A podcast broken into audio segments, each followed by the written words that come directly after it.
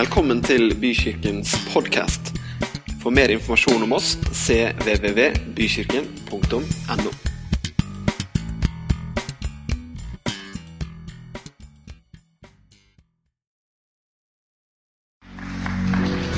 Tusen takk.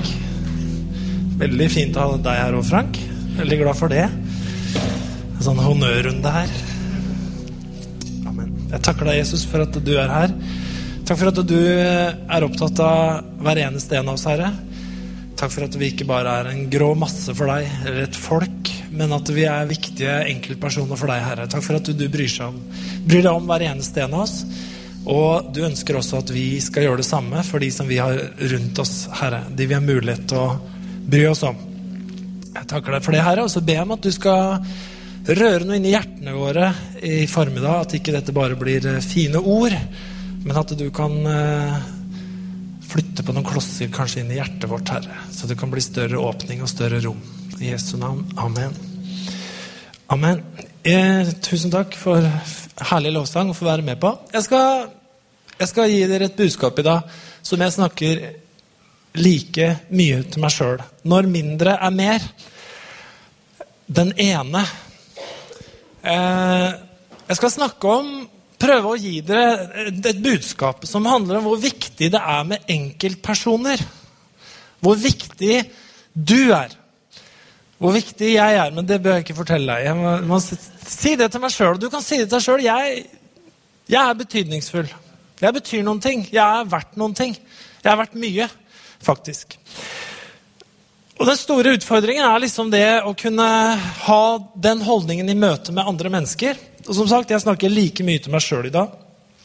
Og Vi vet jo, og vi sier jo mange ganger at Gud elsker deg, og Gud elsker oss, og Gud elsker meg. ikke sant? Og sånne ting. Og folk er viktige, og den enkelte er viktig, og sånne ting. Men det er, lett, det er, jo så lett å si det. Det er jo så lett å vite at det er riktig. Alle syns jo det er riktig. Men så er det noe med at det er noe vi også må føle, da, tror jeg. Jeg tror ikke det er noe vi, det er noe vi bare kan, må vite. Det er en god start. Men vi vi må jo også føle det. At folk er viktige. At den ene er viktig. Det er noe vi må kjenne på kroppen ikke sant? for at det skal faktisk få noe liv i seg. Og det er noe med at uh, Bokstaven den uh, er død eller slår i hjel, mens ånden gjør ting levende. da, Sånn at vi føler ting, opplever ting på innsida, kjenner at ting er viktig. ikke sant? Da blir, det, da blir det ordentlig viktig. Når vi kjenner det, i tillegg til at vi vet det. Uh, og Jeg skal la det stå et vers oppe, eller en del av et vers, første del av et vers fra Zakaria kapittel 4 vers 10, hvor det står Hvem har foraktet den lille begynnelsens dag? spørsmålstegn. Dette handler egentlig om når Israel skal bygge opp tempelet, de skal bygge opp en bolig for Gud. Men spørsmålet kommer hvem har foraktet den lille begynnelsens dag. Og Det er jo en sånn sannhet, universell sannhet i så uendelig mye. Alt fra menneskelige relasjoner til bygge et samfunn, bygge en business, hva som helst. ikke sant? Altså Det lille er alltid starten på noe stort. Og de små tinga, det er de som klarer å gjøre de små tinga, å ta vare på de små mulighetene i starten, som kan gjøre at det blir noe stort seinere. Sånn er det bare. Eh, så jeg skal prøve å si noen ting om hvor viktig det er med det her med engelsk enkeltmennesker, for det er viktig. De siste ti åra så er det en setning jeg har hørt uavbrutt i ulike varianter nesten hver dag, og det er Pappa, kom og se. Pappa, se på meg nå. Pappa, kan du være med og se på? Uh, pappa, det er så kjedelig når du ikke ser på. Pappa, så du når jeg gjorde det? Se meg. Det har jeg hørt. Det er da ca. ti år siden eldstemann lærte seg å snakke. Og siden har jeg nesten hørt hver dag det her. Pappa, se nå. se nå, Bli med og se. Se, så du når jeg og jeg, jeg, tenker noen ganger det er et uendelig behov for å bli sett her, altså. Og jeg sier jo også noen ganger ja, men du må vel kunne liksom dra ut i akebakken uten at jeg skal se på. Det må jo være gøy å ake i seg sjøl. Ikke også bare at jeg skal se på. Ja, men Det er så kjedelig hvis du ikke ser på. Ja, jeg skjønner, for da er liksom noen som har gjort noe kult og kommer ned, så er det Så du det? Ja, jeg så det. Og så er det noe som det virker som og du vet, Det her går jo egentlig ikke helt over. vet du. Det her at vi trenger å bli sett. Det er at vi trenger anerkjennelse. Det er at vi trenger å spille på lag med de menneskene som er rundt oss. Og Påstanden min er som sagt skal noe bli stort, så må vi være nøye med det som er lite. Vi må være flink til å sette pris på det som er lite. Altså jeg, jeg er ikke så utrolig flink til det her, nemlig. Det er derfor jeg trenger å snakke om det. Jeg er ikke alltid så flink til det. Bare spør kona mi eller mora mi eller de som, liksom, den kvinnelige siden som står meg nær, som er kanskje flinkere til det her. Så er de flinkere, altså. Jeg har jo hatt noe sånn kassedameutvikling. Eh, det er diskriminerende å si kasseperson, heter det nå. Eh, gjennom åra, da. For du vet, når du handler i butikken for Før så var det sånn at du betalte med penger, og så slo de inn på kassaapparatet. Og så gikk du på en måte videre. Men nå har du ikke kassaapparat lenger. sånn, Det er bare pip, pip, pip, og de sitter og ser på det. Pip, pip, pip, pip, pip. Og så, når du er ferdig, så har jo det miljøspørsmålet kommet. Skal du ha kassalappen? Det fikk jo ikke heller før. Fikk jo alltid kassalappen. Nå er det spørsmål hvor mye skal vi skrive ut. Skal du ha kassalappen? Og da, for noen, det, er, det er riktig, Katrin. For noen år siden så var det sånn at jeg, jeg liksom Jeg kunne bare svare nei. Altså liksom gikk jeg og pakka varene mine. Og det sa Katrin på. Du kan ikke bare si nei. Du må bare si nei, takk, ellers takk, eller noe. Vær litt hyggelig, da. Altså, de har jo jeg har sittet bak kassa, sier Katrine. Jeg har, sittet, jeg har vært i butikk, så jeg vet når folk bare ser på deg som luft og går forbi. Det er hyggelig å være litt hyggelig med de som sitter i kassa, da. Så jeg har skjerpa meg på det. Nemlig, Så jeg har begynt å si eh, gjerne på forskudd til hvert spørsmål. Og jeg trenger ikke kassalappen. Og hvis de spør skal du ha kassalappen, så pleier jeg å si nei, ellers takk og takk som spurte. eller noe sånt. Det er ganske høflig, syns jeg. Det, det, sier jeg faktisk. Men så var det her for ikke så lenge siden. så var jeg i butikken, og da fikk jeg selvfølgelig spørsmålet skal du ha skal du ha kassalappen. Nei, ellers takk, sa jeg nok. Og så gikk jeg og pakka. Og så når vi gikk ut av butikken, så sa Katrin til meg Magnar, du må bli flinkere med de som sitter i kassa.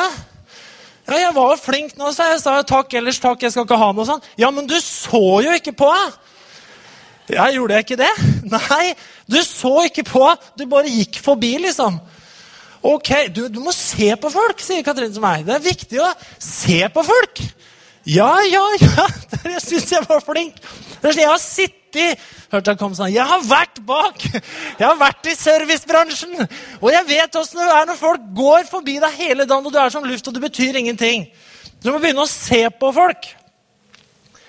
Så nå har jeg også prøvd å gjøre det. For det er mennesker som sitter bak der. Ja, det er jo faktisk det. Det er ikke bare en sånn pipemaskin som sitter der. ikke sant? Det er folk. Så nå prøver jeg å si takk, men ellers takk. Takk som spurte, eller noe sånt. Og så ser jeg på vedkommende.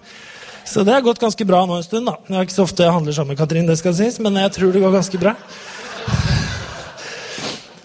Men det er det, å, det er det, å, se folk, da. Og det er jo så lett sånn at vi, vi, vi, vi går på sånne steder. Vi kan jo gå i familien på vante steder. Jeg handler ofte i den samme butikken. Eh, eller to-tre stykker, kanskje. Men i hvert fall i, i, kirken vår, i familien vår, på arbeidsplassen vår, så er det så lett at ja, de er der bare, liksom. Og det er ikke noe å se på, det er ikke noe å si takk for omtrent. Vi bare, vi bare går forbi, ikke sant? Og så bryr vi oss ikke om at den ene faktisk betyr noen ting. Vi vil kanskje ikke helt innrømme det som voksne, men vi liker å bli sett. Jeg vet at 98% av dere som sitter her inne, hvis dere får se et, Skal dere se et familiefoto som jeg tok her eh, når vi var sammen i fjor? Så får du se det. Hvem er den første du ser på da? Du ser etter deg sjøl, ikke sant? Og der er jeg, gitt. Ja, du gjør jo det. Åssen så så jeg ut der, da? Nei, det er smil. Det var et dårlig smil jeg hadde. Du ser ikke de andre fine smila rundt. Ti andre fine smil. Ser ditt eget dårlig, ikke sant? Vi liker positiv oppmerksomhet. Det gjør vi.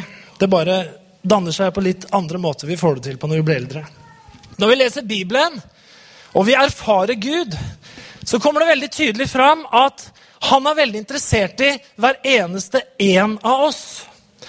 Han er ikke først og fremst interessert i oss som et folk eller som en gruppe. Han er først og fremst interessert i hver eneste en av oss personlig. Gud møter deg og meg. Han bryr seg om dine og mine behov. For Gud er ikke vi en grå masse, men vi er dyrebare enkeltindivider. Og Salmisten han skriver så fint om hvor opptatt Gud er av oss som enkeltmennesker i Salme 139 vers 16-18 så skriver salmisten Da jeg bare var et foster, så dine øyne meg. I din bok ble de alle oppskrevet, de dagene som ble fastsatt, da ikke én av dem var kommet. Hvor dyrebare dine tanker er for meg, Gud. Hvor veldig er summen av dem? Jeg vil telle dem, de er flere enn sand. Jeg våkner opp, og ennå er jeg hos deg. Og det her forteller jo noe om Gud, da. Og det forteller også noe om menneskelig liv og eksistens. Da jeg ennå var et foster, så så dine øyne meg. Hvor dyrebare dine tanker er for meg, Gud. Altså, Gud har vært opptatt av hver eneste en av oss mens vi ennå var et foster. Og Det danner jo også litt grunnlag for hva vi tenker om det å få lov å være et foster som vokser opp. For Gud, han ser, og Gud ser på deg og meg som liv allerede før vi kommer ut av mors, mors mage og tar vårt første åndedrag. Og Gud har vært opptatt av hvordan livet våre skal være, og hvordan det skal gå. Hvor veldig er ikke summen av dine tanker for mitt liv? Gud har tanker for våre liv. Gud er opptatt av oss. Vi er ikke bare noe han overlater til tilfeldighetene. Han er veldig opptatt av oss. Og det behovet her for å bli sett, det kan jo vi få dekka på mange ulike måter. Men egentlig så er det jo ikke sånn at det er ditt ansvar å bli sett. Det er mitt ansvar at du blir sett. Det er det faktisk. Det er ikke mitt ansvar at jeg skal bli sett. Det er ditt ansvar at jeg skal bli sett. Og Det er da det ofte blir skeivt. Hvis vi ikke blir sett, hvis ingen bryr seg om oss, så må vi kanskje begynne å gjøre uten at vi egentlig tenker på at vi gjør det. Så begynner vi å gjøre ting for å bli sett, for å få oppmerksomhet, for å bli elska, for å bli beundra for et eller annet som vi gjør på en eller annen måte. Og ofte så er det sånn vi tar noen grep. Det kan være barn som ikke har fått oppmerksomhet, som ikke har blitt sett. Som gjør masse rart seinere i livet, kanskje i tenåra og oppover som voksne, for å få oppmerksomhet. Og Derfor så er det sånn at det er viktig at foreldrene gir likes. ikke sant? Vi må gi likes til barna våre, så ikke de er på jakt etter likes på feil premisser seinere i livet. Av en eller annen grunn så har det blitt, Noen ganger har det vært sånn at det her at Gud ser deg, har vært brukt til noe negativt. Nå må du være snill og grei. Nå må du ikke gjøre noe gærent, for husk, Gud ser deg alltid. Ikke sant? Har du hørt det? Jeg tenker at det må vi jo snu på. Er det ikke egentlig fantastisk at Gud, om alle andre er borte, så er Gud han er alltid der og ser oss? Gud er alltid til stede, og det er ikke noe negativt, det. Jeg tenker at eh, hvis, noen, hvis, noen, hadde brukt det negativt overfor mine barn Nå må du huske på åssen du lever. Fordi at du husker Faren din ser deg. Hvis det hadde vært noe negativt, så hadde ikke det vært så veldig hyggelig. Men jeg tror det er noe positivt. det da. At jeg ser barna mine. Jeg tror det er veldig positivt. Og jeg tror også det er ufantastisk positivt at Gud ser oss. At vi kan si til Gud Se på meg nå. Gud, her er jeg. Er du med meg? Det er så kjedelig å leve når ikke du er med og ser på. Men Gud er alltid med å se på. Men det er også sånn om vi snakker om en familie, om vi snakker om kirke, om vi snakker om by, om vi snakker om nasjon, festival eller hva som helst, så består det til syvende og sist av enkeltpersoner som er utrolig viktige. Jeg har gjort noen erfaringer. F.eks. på kristne festivaler. Det har jeg, vært med på. jeg har vært med på ganske mange kristne festivaler fra jeg var barn og fram til voksen alder. og nå. Og jeg har hatt forskjellige erfaringer på kristne konferanser. Og Noen ganger så tenker man at det som skulle være så fantastisk og heftig, det blir ikke så heftig. Jeg husker jeg var, en, jeg, husker jeg var i Singapore. Var på en sånn type misjonsreise, teamtur, etter jeg hadde gått på bibelskole. Og Vi besøkte forskjellige menigheter osv. Og, så og en av, en av de eventsa som vi plutselig fikk mulighet til å være med på, som bare som deltakere, det var en kjempestor sånn lovsangskonferanse i Singapore. Det var en stor idrettshall. Det var jeg vet ikke hvor mange tusen, men det var i hvert fall tusenvis av mennesker. Det var, eh, det var eh, flott scene, selvfølgelig. Det var flott lyd, det var lys og alt mulig sånn som liksom gjør at det er kult. Eh, alt det der var der, og det var masse mennesker. Og Jeg husker jeg dro dit sammen med en kamerat.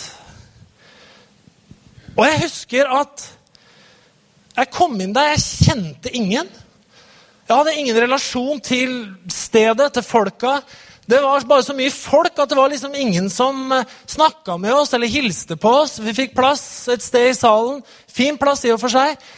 Og det var, det var veldig flott lovsang. Og sånn, jeg husker, og jeg ville så gjerne få noe ut av det. Og jeg husker jeg fikk Det, det blei bare helt tomt. Jeg husker det, det fikk aldri tak i meg. Og vi gikk inn anonyme, og vi var der inne anonyme, og vi gikk ut anonyme. Og det var bare en sånn stor, stor, spektakulær greie som ikke rørte meg noen ting. Nothing rørte det meg. Jeg husker jeg syntes det var veldig rart. Oi, dette var egentlig veldig bra. Men det ga meg ingenting. Absolutt ingenting. Jeg kunne like godt sett hjemme og sett på TV. Hva var det som mangla, da? Det var ikke noe gærent med opplegget. Det var ikke noe sånt eh, Nei, Gud var ikke med, han som sang. eller det var ikke noe sånt. Men det var noe som mangla. Det skal jeg komme til etterpå. Så Et annet eksempel på en konferanse som jeg husker ga meg veldig mye. Og det er kanskje flere som husker den jeg var med på. Vi skulle til Vi tok med et team fra fra kirken her, var det vel. Vi skulle ned på en konferanse i Sverige. Eh, på United i Malmö. Og den ga meg skikkelig mye, husker jeg. Og det er en spesiell, en, flere årsaker, men en, spes, en spesiell grunn til det. Fordi at før vi skulle dra, så ble vi kontakta av en fyr som jeg tror heter tror han heter Jonas. Vi kaller han Jonas i hvert fall. Og Det hadde jeg aldri opplevd før, at noen ringte fra forsamlingen der man skulle komme på en konferanse. Men det er mange folk som kommer på sånn konferanse. Masse folk. Så ringer han og sier Hei, jeg heter Jonas. Jeg skal, jeg skal liksom deres, eh, jeg er deres kontaktperson. Jeg, jeg, er der, jeg, er der, for dere for å tjene dere og hjelpe dere på den konferansen her når dere kommer. Så når dere er på vei, hvis det er noe dere lurer på, hvis det er et eller annet jeg kan gjøre for dere, så, så har du nummeret mitt her, så ring meg. ikke sant? Og når, når dere kommer ned, så kommer jeg til å møte dere. Ja, wow, liksom. Kult. Det, det har jeg ikke vært med på før. Så vi kjørte ned. Og når vi kom ned og kom til menighetene, så var det en fyr som møtte oss. vet du. Og han het Jonas. Hei! Jeg er Jonas. Hilste på alle, snakka med alle. Åssen er det med dere, liksom? Hadde funnet plasser til oss. Tok imot oss. Gjorde det helt personlig. da. Og det var masse mennesker der. Og Gjennom hele den konferansen her så var Jonas der. Spurte åssen vi hadde det, om det var noe vi trengte tok bitte små behov og hjalp oss. Og fikk kjenne at det, Hei, vi betyr noen ting. Det er, noen ser, det er noen som ser meg, det er noen som bryr seg, det er noen som tar hånd om meg. Og det som toppa hele greia, da, det var det at når vi reiste hjem altså jeg mener Konferansen var ferdig, den hadde vært kjempefin, vi var kjempefornøyd. Alt var liksom bra, vi trengte ikke å gjøre noe mer. Når vi var hjem, på vei hjem på et eller annet sted på motorveien der, så skulle vi stoppe, gikk inn på en McDonald's. Så ringer jo telefonen, og så er det Jonas. Hei! Jeg bare lurer på om alt går bra på hjemveien. Har dere det bra? Liksom, er det noe jeg kan hjelpe dere med? liksom? Nå er det for seint å hjelpe oss. Altså, vi er på vei hjem. Altså, det var helt utrolig han var med hele veien. Jeg glemmer jo ikke han. Jeg husker faktisk nesten han bedre enn talerne. Vi hadde en kjempekonferanse. Hvorfor det? Fordi det var en som så oss. Et menneske. Vi følte oss veldig sett av Gud. Men vet du hva? mennesker kan åpne veien, åpne hjertedøra for Gud på en sånn fantastisk måte. Bibelen er full av sånne historier. Det handler om å bli sett. Og Det var akkurat det jeg ikke opplevde på den konferansen i Singapore. for å si det sånn. Du går inn anonym, går ut anonym, ingen bryr seg. Ikke fordi de ikke vil bry seg, men det bare er ikke en greie som er lagt, lagt opp til det. Ingen som snakker med deg. På sett og vis så kan vi si at man kan høste et stort kirkemiljø, et menighetsmiljø, med mange mennesker på grunnlag av det som er sådd tidligere. Det er litt som med bonden. Man sår, og så høster man året etterpå. Jeg skal fortelle en historie om en 12-13 år gammel gutt som jeg kjente. En sommer, som det er alle somre, så var det tenåringsleir. Og han hadde noen kamerater som skulle på tenåringsleir. Og foreldrene syntes det var fint hvis han dro på tenåringsleir. Så han tenkte ja, det er jo sikkert ganske gøy på tenåringsleir. Der er det fotball, der er det kompiser, der er det forskjellige ting. Så han dro på tenåringsleir. Så hvorfor ikke? Denne gutten han hadde absolutt ikke planlagt et spesielt møte med Gud. Han hadde ingen spesielle forventninger til gudstjenestene eller alt det som var rundt det her med Bibel og bibelgrupper og bønn osv. Ikke det hele tatt. Han kom dit. Han var verken positiv eller negativ til det, men han var der for å ha det gøy, være sammen med kompiser, spille fotball og ha det veldig fint. Så kom leiren. Så ble det Leili, det ble måltider, det ble kompiser, det ble spikk på kvelden, det ble fotballturneringer, det ble møter, og leirlivet det, det rulla i gang. Og han var en deltaker, enkelt og greit, på den leiren her. Enkelte kvelder så varte de møtene her litt lenger. Eh, de begynte å dra ut noe han syntes var ganske kjedelig. Så, så fort det liksom var legitimt greit å gå ut av møtet, så forsvant den ganske kjapt ut av de møtene på kvelden. Enkelte ble igjen. Folk som han ikke helt kjente seg kobla sammen med. De som han følte var sånn veldig kristne, de ble igjen på møtene litt lenger. Men en kveld så skulle det her forandre seg. En kveld det hadde vært et langt møte hvor han hadde gått ut. Så kommer gruppelederen hans inn på rommet på kvelden og sier til han og et par andre som var der Gutter, i kveld så var Gud veldig sterkt til stede på møtet etterpå. Jaha, svarte gutten. Jo, skal du høre at eh, Roy og Anders, kompisene deres, de møtte Gud i kveld. På en veldig spesiell måte. Og vet du hva, gutter? Gud er her på den leiren for å møte nettopp dere. Den gutten er på 12-13 år. Han hadde ikke tenkt på det sånn før at Gud var der for å møte han. Det hadde han ikke tenkt så mye på. Men nå gjorde gruppelederen hans med Dag han gjorde det veldig klart for han at det her er en mulighet til å møte Gud. I morgen da er Gud der for å møte dere. Neste kveld kom. Neste møte. Det hadde jo skjedd noe inni den gutten her som gjorde at han tenkte at kanskje det er for meg òg.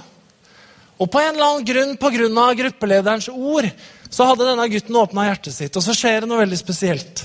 Fordi Den hellige ånd kommer og møter en åpen dør i det guttehjertet her den kvelden. Og han får lov å rulle inn. Og den gutten her, han kjenner at Gud er der. Han kjenner at nå er det noe her som jeg aldri har kjent før. Han kjenner at nå er det noe her som rører meg langt inne i dypet av hjertet mitt som jeg aldri har kjent på den måten før. Jeg kjenner at jeg trenger Gud. Og den kvelden så stakk ikke denne gutten ut så fort det var mulighet. Han blei igjen og møtte Gud på en måte som skulle prege resten av livet hans. Og Noen måneder etterpå så døpte han seg. Og den gutten, det var meg. Jeg var den tolvåringen. Og Dag, som var gruppeleder, han går i forsamlingen her ganske ofte. Og Jeg har fortalt den historien til han mange ganger. Vet du hva, Dag? Hvor viktig det var at du kom inn på rommet den kvelden og snakka til meg. Tenkt på det. Han, skjønte, han liksom har ikke helt skjønt at det blei så stort. Men det ble så viktig. Hva var greia? Jeg blei sett. Noen snakka til meg.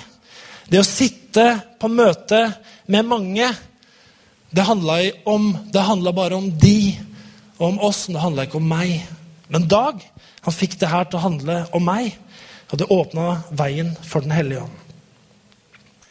Du vet, Jesus han dro store folkemengder, men han var opptatt av enkeltmennesker. Folk kom sikkert av en mengde ulike årsaker for å høre Jesus. Noen fordi de ønska å høre hva han hadde å si. Andre kom for å bli helbreda. Andre kom bare fordi andre kom. helt sikkert, Sånn er det alltid. Noen kom av en tilfeldighet, og noen kom fordi de var sinte på Jesus. Noen kom fordi de var nysgjerrige på hva det her var for noe. Det fantes i det hele tatt en hel haug av årsaker til at mennesker kom for å høre på Jesus. Og en av de som var bare nysgjerrige, som liksom var litt opptatt av, tror jeg, av liksom kjendisfaktoren rundt Jesus og denne nysgjerrigheten Hvem er han? Han het Sakkeus, og jeg vet at dere har hørt den historien mange av dere siden de gikk på søndagsskolen. Vi har lyst til å lese den allikevel. For i Lukas 19, vers 1-10, så finner vi historien om denne nysgjerrige lille mannen som får livet sitt forvandla. Det står at Jesus kom inn i Jeriko. han dro gjennom byen. Der var det en mann som het Sakkeus. Han var overtoller og svært rik. Han ville gjerne se hvem Jesus var, men han kunne ikke komme til for folkemengden, for han var liten av vekst. Da løp han i forveien og klatret opp i et morbærtre for å få se ham på et sted hvor han måtte komme forbi. Og Da Jesus kom dit, så han opp til ham og sa, 'Sakkeus, skynd deg og kom ned, for i dag må jeg ta inn hos deg.' Han skyndte seg da ned, tok imot ham med glede. Men alle som så det, murret og sa, han har tatt inn hos en syndig mann. Men Sakkeus sto fram og sa til Herren, Herre, halvparten av alt jeg eier, gir jeg til fattige, og har jeg presset penger av noen, skal de få firedobbelt igjen. Da sa Jesus til ham, I dag er frelse kommet til dette huset, for også han er Abrahams sønn. For menneskesønnen er kommet for å lete etter de bortkomne og berge dem. Jeg tenker at Sakkeus kanskje ikke var først og fremst søkende, men nysgjerrig. Han ønsket å se hvem denne Jesus egentlig var. Altså Ryktet om Jesus gikk overalt. Han var, Da samla store folkemengder, og nå var han i Jeriko, der hvor Sakkeus bor. Og Det står enkelt og greit at Sakkeus hadde lyst til å se hvem han var. Han var liten av vekst og var litt smart og tenkte jeg klatrer opp i et tre der hvor han er nødt til å gå forbi i den ruta han er på vei. Så Sakkeus eh, var en nysgjerrig, en korrupt og mislikt type rett og slett. Som folk ikke hadde særlig mye til overs. Han var kanskje liten, rik og irriterende. Sakkeus roper jo ikke til Jesus eller tilkaller Jesu oppmerksomhet. Han sitter jo ikke oppe i treet og roper «Hei, 'Jesus, hei, se på meg! Her er jeg!' Det står ikke noe om det, faktisk. Det står at han sitter oppe i treet, for han hadde lyst til å se hvem Jesus var. Så skjer jo det her spesielle at Jesus ser Sakkeus. Og han kaller ham med navn. Sakkeus, kom ned, for i dag må jeg gjeste ditt hus. Og I det øyeblikket her så går jo Jesus fra å være en, et fenomen, en, en offentlig skikkelse som var spennende, til å bli personlig med Sakkeus. Og han går på et lite øyeblikk fra å være grisk og korrupt til å ville gi bort halvparten av alt han eier. Og han eide nok ganske mye. Og det er jo fantastisk. Hvordan Jesu personlige oppmerksomhet forvandler Sakkeus på utrolig kort tid. Altså, Sakkeus har jo hatt altså, han, har jo vært, han har jo vært korrupt, han har vært grisk, han har vært drivende her i årevis. Altså, det her sitter jo innbarka i han. Altså, Han har jo bygd opp livet sitt delvis på å ta for høye skatter og være grisk og ta for mye. ikke sant? Så det her er, det her er noe som sitter godt inni hans rotsystem. altså, Av følelser og verdier og alt sammen. Og så kommer Jesus, og i løpet av ett middagsmåltid så går med, skal han gi bort halvparten han eier. Som han har holdt på med i mange mange år å erverve seg. Det er ganske heftig forvandling, altså. Syns jeg. På veldig, veldig kort tid. Han skulle gi tilbake. Jesus dro lett en stor folkemengde, men han så allikevel enkeltmenneskene. Og Hvis vi snakker om kirke hvis vi snakker om fellesskap, så kan det jo lett bli et sånt prosjekt, mengdeorientert, og så kan vi plutselig kanskje glemme hva det i bunn og grunn handler om, den enkelte. Når Jesus kaller disipler, hvordan gjør han det? Da står det i Matteus 4,18, du kan bare høre. En gang gikk Jesus langs Galileasjøen. Der fikk han se to brødre. Simon, som kalles Peter, og hans bror Andreas. De var i ferd med å kaste not i sjøen, for de var fiskere. Og han sa til dem, 'Kom og følg meg, så vil jeg gjøre dere til menneskefiskere.' Straks forlot de garnene, og lot garnene ligge og fulgte ham. Da gikk han videre, fikk han se to andre brødre, Jakob, sønn av Sebedeus, og broren Johannes. De satt i båten sammen med sin far Sebedeus og bøtte garn. Han kalte dem, og straks forlot de båten og faren, og de fulgte ham. Jesus, han, når han verva disipler, verva, eller hva han kalte dem, så gikk han så, altså Han kunne gjort det på en helt annen måte. Jeg mener Jesus kunne gjort det på en veldig annen måte. Han kunne, han kunne starta en kampanje, han kunne gjort reklame. Han kunne delt ut vervekort. ikke sant? Kom, uh, Han kunne gjort et par mirakler ikke sant? og sagt 'Jesus the winemaker'. Uh, 'Follow me'. ikke sant? Altså, Skriv det på liste, skriv det på skjema. Uh, du kan gjøre det samme som meg. 'Ten easy steps to make great miracles. Follow me, the miracle maker'. You can do great stuff too, som en annen ville ha sagt. ikke sant? You will win when you're my team. Det er mange måter å si det på. Men Jesus gjorde jo ikke det. Han sendte ikke ut nyhetsbrev. Han sendte ikke ut vervekort. Han gikk langs Galileasjøen, og så traff han mennesker som hadde navn, og som han kalte. Han valgte å gå rundt og snakke med folk langs Galileasjøen. Til Peter, Andreas og Jakob. Han snakka med dem, tok seg tid med dem, og han så dem. Hva var det Jesus hadde skjønt? Jo, han hadde skjønt at dersom du skal gjøre disipler og bygge noe stort, for det skulle Jesus gjøre, så begynner det alltid i det små. Det begynte med at Jesus så dem. Jesus snakka med dem. Jesus ga dem tid. Og han kobla dem med Gud. Det er som med bonden. Han vet at det det skal høste i morgen, det må jeg så i dag. Og det her er jo egentlig bare en digresjon, men sånn kan du lett bli i kirker. altså. Som, som pastorer og ledere og andre ledere. Vi kan jo lett havne i greia her at det å drikke kaffe og snakke med folk kan bli mindre verdt enn et styrereferat. ikke sant? Sånn kan det bli i kristne organisasjoner også. Vi kan bli sånn organisasjonstenkende. Det er en, Jeg kjenner i hvert fall, ja, kjenner han ganske godt, som heter Jostein Krogdal, som er leder for Intro. Vi må nesten kalle det Introbevegelsen snart. De starter menigheter i, i, i den farta. Men han har jeg vært sammen noen ganger, og han har en sånn fin greie hvor han sier sånn cirka Det vi trenger, er mindre møter og mer kaffe. Det er på en måte en av hans slogans, cirka sånn parafrasert. Mindre møter og mer kaffe. Det er ikke så målbart, akkurat det der.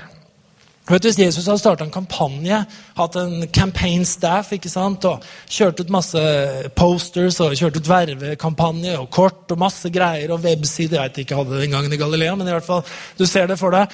Alt mulig ikke sant, for å verve disipler, og så har de sånn der, så har de sånn der assessment-gjennomgang ikke sant, for å sjekke om folk er skikka nok, og alt mulig sånt, ikke sant, og så siler vi ut, og så ender vi opp med noen bra disipler på slutten. ikke sant? Altså Det hadde vært liksom, Nå gjør Jesus en jobb her. altså jeg mener, Nå, nå kjører han kampanje her, nå skjer det ting her. nå er det greier på gang. Det er team, det er staff, det er greier. ikke sant? Det er svært. Men Jesus gjorde jo ikke det. Han gikk langs Galileasjøen. Og så traff han noen fyrer i noen fiskebåter som han snakka med. Og så blei det disipler. Jeg er ganske sikker på at jeg ikke er aleine i det rommet her om å ha hatt en dag som en, Nå snakker jeg om han gruppelederen min. Som en eller annen gang snakka til meg, ga meg oppmerksomhet og fikk meg til å skjønne at Gud var faktisk interessert i mitt liv. Man kan jo være en mer eller mindre god medarbeider for Gud. Og det er det jeg tenker. Vi er Guds medarbeidere i Guds åkerland. Jeg husker en gang jeg var, jeg var medarbeider på en kristen konferanse. en ganske stor konferanse, Jeg skulle være parkeringsvakt. Og jeg kom i sånn par parkeringsvaktmodus. Og det er jo da parkeringsplasser, vet dere. Det har jo liksom oppdelt sånne streker og systemer, da. Sånn at alle bilene skal få plass. Og det er jo, det er jo veldig fint, det, altså. Men jeg var jo da parkeringsvakt for denne kristne konferansen hvor folk kom for å møte Gud. Og så var det ganske fullt på parkeringa. Og så husker jeg det kom en bil først for seint til møtet. Uh, han så, hadde liksom så litt sleivete ut, han som kom i en gammel boble. Langt hår og litt sleivete i stilen. Og bare fant vel ikke noe plass. Han bare parkerte opp en sånn liten gressrabatt der. Og jeg kjente alle de fæle parkeringsvaktgenene som et eller annet sted ligger dypt inne i meg, begynte å våkne. Og han kommer ut og jeg skal inn på møte for å møte Jesus, og jeg bare Hei, du kan ikke stå der! Ja, men uh, liksom uh, Jeg er seint ute. Jeg har lagt merke til det, ja. Liksom. Og, du kan ikke stå der, du ødelegger jo gress, og det er jo systemer her. Og, ikke sant? og han ser han blir helt sånn kjørt ned av meg, da. Og etter hvert flytter bilen og liksom kommer seg inn på møte med en skulende parkeringsvakt etter seg. Det er helt grusomt. Han blei jo sett. Det var ikke akkurat på en positiv måte. Jeg håper ved Guds nåde at det gikk bra inn på møtet etterpå. Men altså, positiv oppmerksomhet, det er det jeg snakker om. da. Vi, vi, trenger jo det. ikke sant? Og Noen ganger så kan vi bli opptatt av feil ting. Det betød jo ingenting om han fikk stå på den gressrabatten der lite grann, de tre timene akkurat da, i den situasjonen Det betød jo selvfølgelig ingenting. Det som var viktig, var at han fikk komme seg inn. Han fikk møte Jesus. Jeg håper det gikk bra. Men vi får så mange muligheter til å gi god eller dårlig oppmerksomhet. Vi får så mange muligheter til å se folk. Og det er vår mulighet. Det er jo nå. Livet er jo nå. Vi tenker vi skal tjene noe som er stort, men Jesus han ser den ene. Han snakker jo til folk. Han snakker til meg. Han snakker til han. Gud han er ikke bare en som informerer oss. Han har tid til oss, og han vil at vi skal ha tid til hverandre. Og Det her er litt sånn universelt, da, men jeg tror det ligger veldig på Guds hjerte. For det snakkes mye i Bibelen om å elske hverandre, tale godt om hverandre, løfte hverandre opp, tale godt om det som skal gis ære, osv. I går så fortalte Katrin en historie, vi så på en video etterpå. Om en gutt, og Jeg skal avslutte med den historien. Har egentlig ikke direkte med Gud å gjøre, men den har med et guddommelig prinsipp å gjøre, og det her med å se mennesker. da.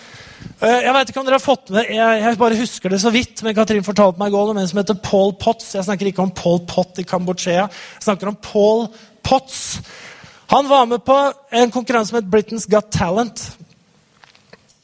Og det handla om han, han, Når han var liten gutt, så så han på opera på TV og ble fascinert av det. Faren hans var en industriarbeider. Og han blei opptatt av at han skulle bli operasanger. Han blei veldig fascinert av det her. Han blei grusomt mye mobba av de som han gikk på skole sammen Han blei en outsider, han ble utafor, han ble et mobbeoffer. rett og slett. Og En gang så blei han forfulgt av en guttegjeng som mobba han og krasjer inn i en stolpe eller hva det var, og fikk ødelagt hele tanngarden i munnen sin. Han hadde blitt slått med sykkelkjeder, så han har arr den dag i dag over, eh, over mageregionen. Og han hadde ingen støtte fra faren, så han du må få deg en ordentlig jobb og slutte med det tullet her. Men han fortsatte å synge og han fortsatte å være mobba, men selvtilliten hans var så stor. Kjempeliten. Han går og tar sangtimer. Han synger så bra, men klarer ikke å framføre. Men han synger allikevel så bra at han blir sendt Eh, blir tatt opp på et, et, et sangskole i Italia og synger. Der, og etter en stund, har vært der og gått der en, en, periode, så blir det tatt ut noen få fra den skolen som skal synge for Pavarotti. For det er sånne talenter. Den gutten her har så dårlig selvtillit at han, når han skal synge for Pavarotti, så låser det seg fullstendig for han. Han klarer ikke å synge. Og Det blir bare en forferdelig opplevelse. Og Pavarotti sier til ham det handler ikke bare sånn cirka, det handler ikke bare om hvordan du synger, men det handler om at du må gi noe av deg sjøl. Du må ta publikum. Du må ta publikum og eie publikum. Og han skjønner det, at det kommer jeg aldri til å klare. For jeg har så dårlig selvtillit. Jeg er så redd at jeg kommer aldri til å klare det. Og der og da sånn omtrent, så oppgir han alt som har med sang å gjøre, og reiser hjem og begraver sangkarrieren. Det kommer aldri til å bli nå. Jeg kommer aldri til å kunne ta forsamlingen. Jeg har rett og slett ikke selvtillit nok. Så han begynner å jobbe i en eh, butikk som selger mobiltelefoner og SIM-kort. Det er der han er. Så har han en kjæreste som ser en annonse for konkurransen Britain's Got Talent og sier 'Den kunne du dratt på. Aldri i livet'. Ja, men du kan jo synge. Aldri i livet. Og de diskuterer det her fram og tilbake, hos henne. skal vi slå kron og mynt. da? Så tar jeg kron, tar du mynt. Og hvis det blir kron, da må du dra. Ok, de slår kron og mynt. Det blir kron. Da må du dra. Og Det er ganske fantastisk opptak som du kan se på YouTube når han kommer ut på scenen foran alle disse dommerne for første gang. Og de spør hva heter du. Ja, Paul Potts. Hva jobber du med? Hva driver du med? Jeg jobber i mobil, mobiltelefonbutikk. Og så begynner han å synge. Og så er det bare helt fantastisk. Helt fantastisk. Og dommerne blir jo slått over ende. Han ender jo opp med å vinne hele greia. Han sier jo at han, eh, eh han har altfor dårlig selvtillit til å kunne gjøre noe med det. Han vinner, og tida går. Og eh, en dag så synger han for dronninga, og det går kjempebra. Og han får satt inn nye tenner. Du må se den videoen. altså, Helt fantastisk. Veldig, veldig rørende. Og til og med faren snur om etter hvert og sier 'Jeg må jo ha gjort noe riktig', sa han. Som har fått en gutt som synger for dronninga.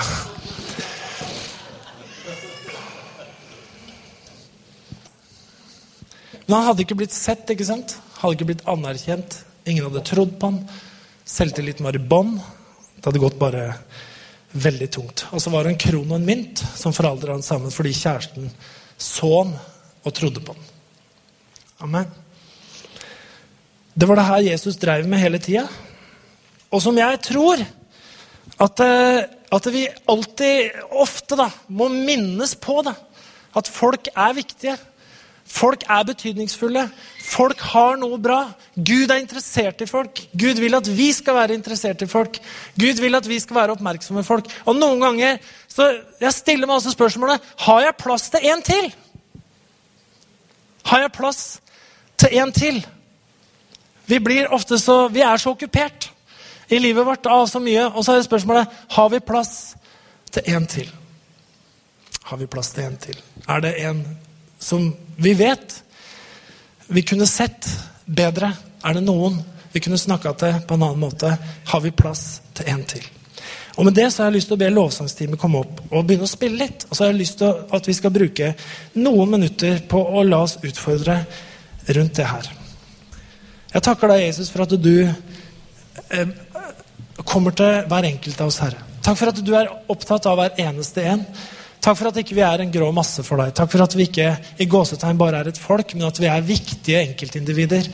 Som du så mens vi ennå var fostre, Herre. Før vi ennå trakk vårt første åndedrag, så var du opptatt av våre liv og så oss, Herre.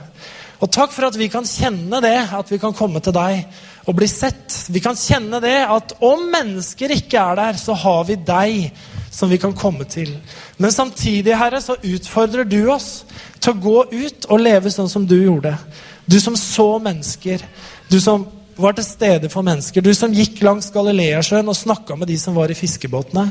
Du som gikk gjennom byer og stoppa hos enkeltmennesker og hjalp dem og prata med dem. Du som møtte Sakkeus, Herre, og tok inn i huset hans, og som ble gjest personlig i hans hus. Takk for at du ønsker å gjeste vårt hus, Herre. Og takk også, Herre, at du ønsker at vi skal være på den måten at vi gjester andres hus og gjør en forskjell. Amen.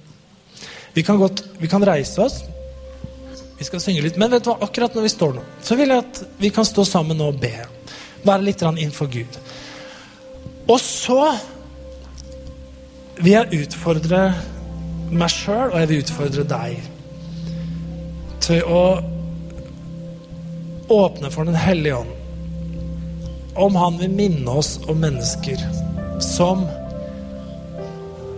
vi skulle sett på en annen måte.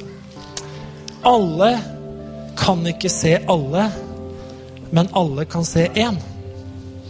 Og det kan være mennesker som Gud har plassert i livsrommet ditt, som han ønsker at du skal være en håndsrekning til.